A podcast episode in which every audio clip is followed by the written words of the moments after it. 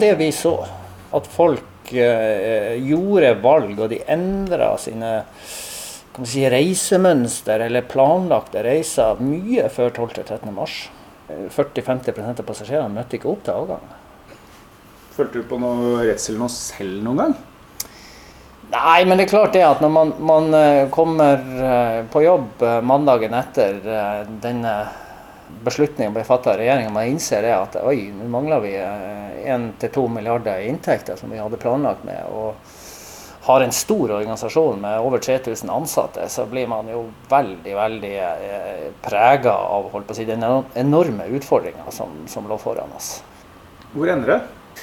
Det vet vi ikke, for vi har ikke den krystallkula. Eh, og, og tror, Hva tror du? Nei, Jeg tror vi kommer til å se noe annet enn det vi hadde før korona i våre bransjer. Jeg tror vi kommer til å se andre valg fra kundene. Jeg tror man kommer til å se eh, andre vurderinger, eh, andre prioriteringer. Og jeg tror også at vi kommer, vi kommer også til å se et viss islett av at folk har lært seg å bruke digitale hjelpemidler, som også kommer til å påvirke reisebehov og reisemønster. Så det vi er forberedt på, det er noe annet etter korona enn det vi hadde før korona. Du er her i et av de store møterommene på Fornebu. Og så har du tavla igjen her. og Hva er det du tegner på den når du liksom var alternativene? For du må jo prøve å forberede på en eller annen kurs og gjette på hva som kommer. Ja, og det vi gjør nå, det er at vi holder på med flere forskjellige scenarioer for hva som kommer ut i 2021. Så fortell om et. Ja, Det ene er jo at si, etterspørselen eh, reduseres dramatisk, kanskje ned mot 30-40% av et normalnivå. At det holdes i, i, i, flere år. Eh, det er jo ett tenkelig scenario. Et annet tenkelig scenario er at markedet normaliserer seg raskere. Men at vi har en helt annen konkurransesituasjon i det norske markedet. Det, det er andre flyselskap som kommer inn. Hvorfor det? Nei, for vi tror jo at en sånn her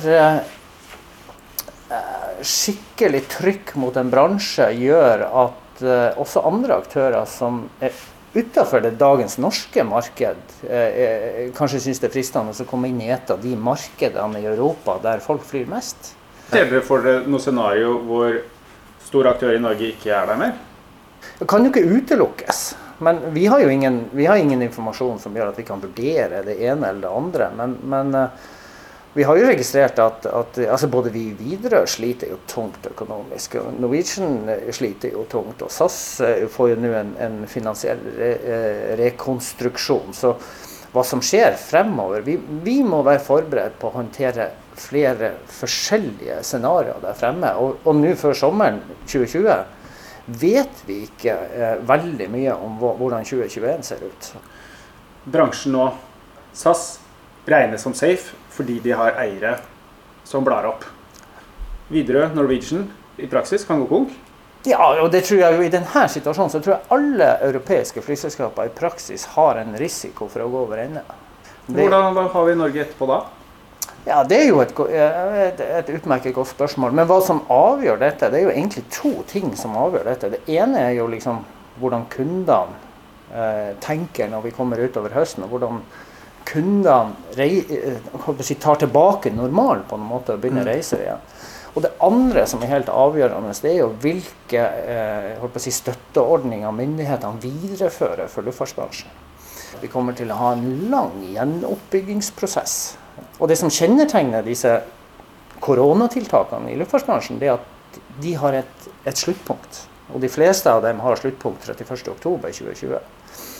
Og hva regjering og storting gjør med disse eh, type avgiftslettelser, eh, lav eh, merverdiavgiftssats og denne type hjelpetiltak etter 31.10, er helt avgjørende for hvordan bransjen kan komme tilbake. Utenfor kontorvinduene hos Widerøe-sjef Stein Nilsen suser bilene på en av Norges mest trafikkerte og overbelastede veier. E18 ut av Oslo. Om noen år håper han flere av de som skal helt til Kristiansand eller Stavanger, kan velge fly. Men først må han jobbe for at 3000 ansatte i det hele tatt har noen jobb å gå til. Vi var, vi var kjapt ute eh, når det ble trykt på den store røde knappen. Og i løpet av ti dager så hadde vi mer, helt eller delvis permittert 2000 ansatte. Og vi har klart å jobbe ned kostnadsnivået på et nivå som gjør at vi, eh, blødninga er kontrollerbar, om man skal bruke et sånt uttrykk. Men det er jo sånn at vi låner jo penger løpende måned for måned for å dekke et underskudd som finnes i virksomheten. Men også SAS, når de skal starte opp igjen, så sier de det er så dyrt å starte opp fordi det koster jo mer å fly halvfulle fly, fly enn å la dem stå på bakken. Har dere samme problemet? Nei, vi, vi, vi har ikke samme eh, store utfordringer. For eh, det er faktisk en fordel å ha mindre fly i denne situasjonen. Eh, etterspørselen har gått kraftig ned, og vi flyr jo som kjent fly eh, på 39 seter, 50 seter, 78 seter og 110 seter. Så vi har en mindre flytype. Så vi kan si at vi har nok lettere for å sette eh, fly i drift eh, med ikke altfor store underskudd enn det SAS og Norwegian har med sine store 180 seters flymaskiner. Og det, det, gjør jo også at Widerøe på et tidspunkt var jo Europas største flyselskap. I april var Widerøe Europas største flyselskap målt i antall avganger. og Det er, en, det er jo en surrealistisk opplevelse. og Det viser jo hvor brutal hele denne koronaeffekten har vært på hele luftfartsbransjen i Europa. Eh, vi har aldri sett noe lignende før. Mener du det sier noe om hvor viktig dere er for infrastrukturen i Norge òg?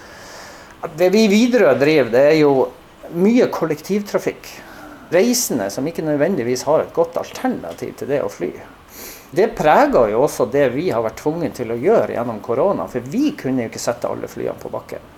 Du kommer deg ikke fra eh, Lofoten og eh, inn til Bodø. Du kommer deg ikke langs eh, Finnmarkskysten hvis ikke vi flyr. Og heldigvis så har jo vi også eh, eh fått hjelp av Samferdselsdepartementet og regjeringa også til å opprettholde et grunnleggende kritisk minimumstilbud der ute i denne eh, veldig, veldig krevende perioden. Det har jo vært helt nødvendig, for det er jo ikke sånn at all flytrafikken har forsvunnet. Det har vært mye nyttetrafikk som måtte gjennomføres. Folk som, eh, som jobber på luftambulansen, du har hele olje- og offshoresektoren som, som transporterer folk til og fra eh, borerigger. Eh, noe helsetrafikk. Det har jo vært utrolig viktig at vi kunne opprettholdt et sånt kollektivtrafikksystem, sånn at eh, de grunnleggende samfunnsmessige behovene kunne vært dekka også i denne perioden. Men det, men, det, men det, har ikke vært snakk om å fly lønnsomme flyruter etter 1. mars. Det er jo det som er litt surrealistisk her vi sitter nå i bransjen. Det, det er som å være med i luksusfellen på noen måte. Vi låner løpende hver måned for å dekke underskuddene, men vi vet ikke helt hvordan vi skal betale tilbake når vi er gjennom korona. faktisk. Det er avhengig av at folk gjør som før. Og så har folk kanskje lært seg at man kan bruke, kommunisere elektronisk i mm. større grad. Er det så gærent da om folk finner ut at vi kan møtes over skjermen? Vi trenger ikke å fly Widerøe-fly for å komme fra den ene stedet til den andre i så stor grad? Nei, men Det der tror jeg er mer en naturlig utvikling som har gått over tid, som kanskje får en sånn forsterka effekt nå under korona. Det er klart, vi har forventet. Er det bra? Ja, jeg tror delvis er det bra.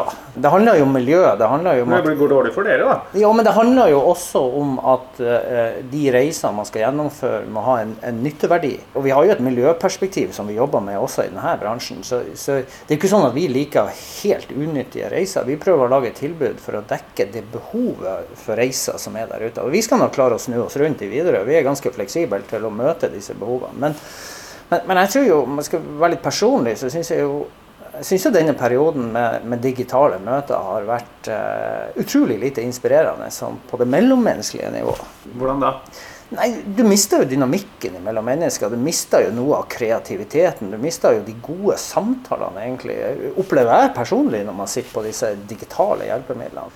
Når du har de møtene elektronisk, så er jo kanskje erfaringen fra mange, inklusiv meg, at eh, det blir jo veldig mye sjefen som sitter og snakker. Er ikke det deilig, da? Nei, jeg syns ikke det. For jeg syns ikke resultatene blir så bra. Det er jo dynamikk i seg sjøl som lager gode resultater.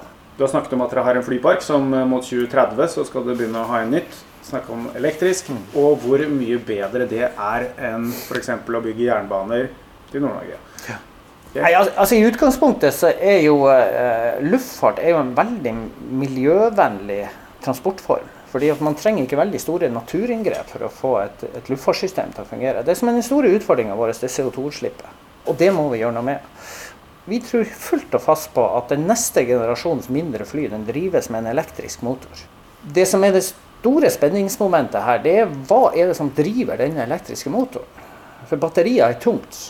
Og For et år siden så, så uh, gjorde vi den vurderinga at batteriteknologien sannsynligvis ikke utvikla seg så fort at den kommer til å klare å gjøre det oppdraget frem mot 2030. Det mest interessante sporet vi jobber med nå, det er hydrogen. Altså brenselcelleteknologi som, som energibærer for en elektrisk motor. Og kommer vi dit, så har vi jo faktisk et uh, nullutslippsfly. Hydrogenfly, kan bare forklare hvordan er det dette funker? De første testene med hydrogenfly det var at man hadde en elektrisk flymotor. Så tok man innmaten i en Toyota Prius hydrogenbil, satte opp om bord i det flyet, og så fløy man det flyet. Det var den første forsøket. Så noe som går på flybensin, det er helt uaktuelt? Dere kommer ikke til å bestille flere fly? Vi har veldig veldig vanskelig for å se for oss en verden der vi kan klare å få lønnsomhet med å fly et fly som er basert på eh, konvensjonelt drivstoff. Og det er fordi at de miljøavgiftene er så utrolig tunge i denne bransjen. Å fly et fly under 50 seter med så tunge miljøavgifter er helt umulig for oss å se lønnsomhet i. Fordi dere slipper ut ganske mye i forhold til hvor mye dere frakter? Nei, Det er jo fordi at CO2-avgifta er tung. Vi har denne flypassasjeravgifta i Norge. Og så har vi i tillegg til det så har vi jo to internasjonale avgifter som kommer på toppen av det. Dere får tak i fly, da. De blir bygget med nullutslippsfly. For Samferdsels-Norge å binde Norge sammen, hva er din store visjon der i det scenarioet? Det vi gjør i luftfart i dag, det er jo at vi flytter Vi transporterer folk fra et sted de ikke er, til et sted de ikke skal. Og Det er jo fordi at skalaeffektene er så veldig store på fly. Jeg tror vi kommer til å få se en annen mobilitet. Og jeg tror vi kommer til å få se når vi går nærmere oss 2040 et behov for en annen struktur i Norge. Mindre fly som ikke slipper ut noen ting, og som heller ikke støyer spesielt mye, gjør at du kan få en mobilitet som ligger tettere inn mot bysentrene enn det vi klarer i dag. Masse små flyplasser? Ja, i hvert fall flere enn det vi har i dag når jeg skal til Trondheim, så skal jeg jo først til Gardermoen herifra, og så skal jeg jo fra Værnes og inn til Trondheim. Jeg tror på sikt at vi ser en verden der flyplassene ligger nærmere bysentrene eh, og lager bedre mobilitet faktisk enn det vi får ut av eh, flybransjen i dag. Altså, nå har jo dere distriktskontoret deres her på Fornebu. Mm. Tror du det skal åpnes noen rullebane der i framtida? Jeg tror ikke jeg tør å nevne Fornebu til noen. Men, men, men, det er jo helt klart at det finnes et veldig veldig stort behov for mobilitet på vestsida av Oslo. Det er et stykke opp til Gardermoen. så eh, jeg tror vi Er man veldig optimistisk om fremtida, eh, så tror jeg at man kommer til å se en, en, en helt annen mobilitet eh, levert fra flybransjen enn det man eh, har sett tradisjonelt. Og denne, Dette utviklingstrekket er faktisk sterkest i USA. Fordi at det å kjøre bil mellom de store byene i USA er nesten blitt umulig. Så amerikanerne driver nå og prøver å utvikle denne type teknologi, sånn at de får lov til å lande nærmere bysentrene i de store byene for å øke mobiliteten mellom de amerikanske byene. Så det er en veldig veldig interessant utvikling. Så du ser for deg at du kan ha si, hvert sted sin flyplass, sin flyrute? Men perspektivet inn mot, mot 2040-2050 er mye mer spennende enn det. For vi ser jo luftfartøy som tar av eh, vertikalt. Og det eksperimenteres med droner. og det, jeg, jeg, tror vi kommer til å få se noe helt annet når vi går mot midten av 20-tallet, enn det vi har sett eh, på 1900-tallet.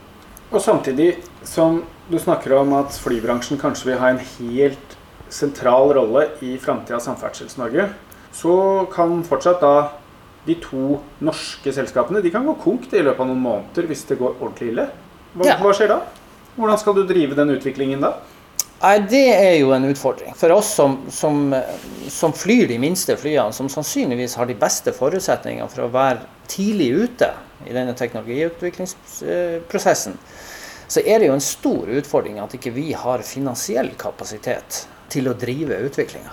Vi har vært over de siste fire-fem årene eh, plaga med tunge miljøavgifter, særnorske miljøavgifter. Eh, CO2-avgift, flypassasjeravgift, som har tatt bort veldig mye av resultatene og den finansielle kapasiteten vi har hatt. Så det, det er en stor utfordring for denne utviklinga at flyselskapene er svake. Men sier du rett og slett at miljøavgiftene gjør det vanskeligere å drive en miljøutvikling i flybransjen? Ja, helt definitivt. Uh, I dag er jo uh, jeg vil si alle tre flyselskapene veldig veldig eh, svak finansielt. Og jeg er litt urolig for hvordan eh, vi skal klare det store teknologiske løftet som kommer inn mot 2030.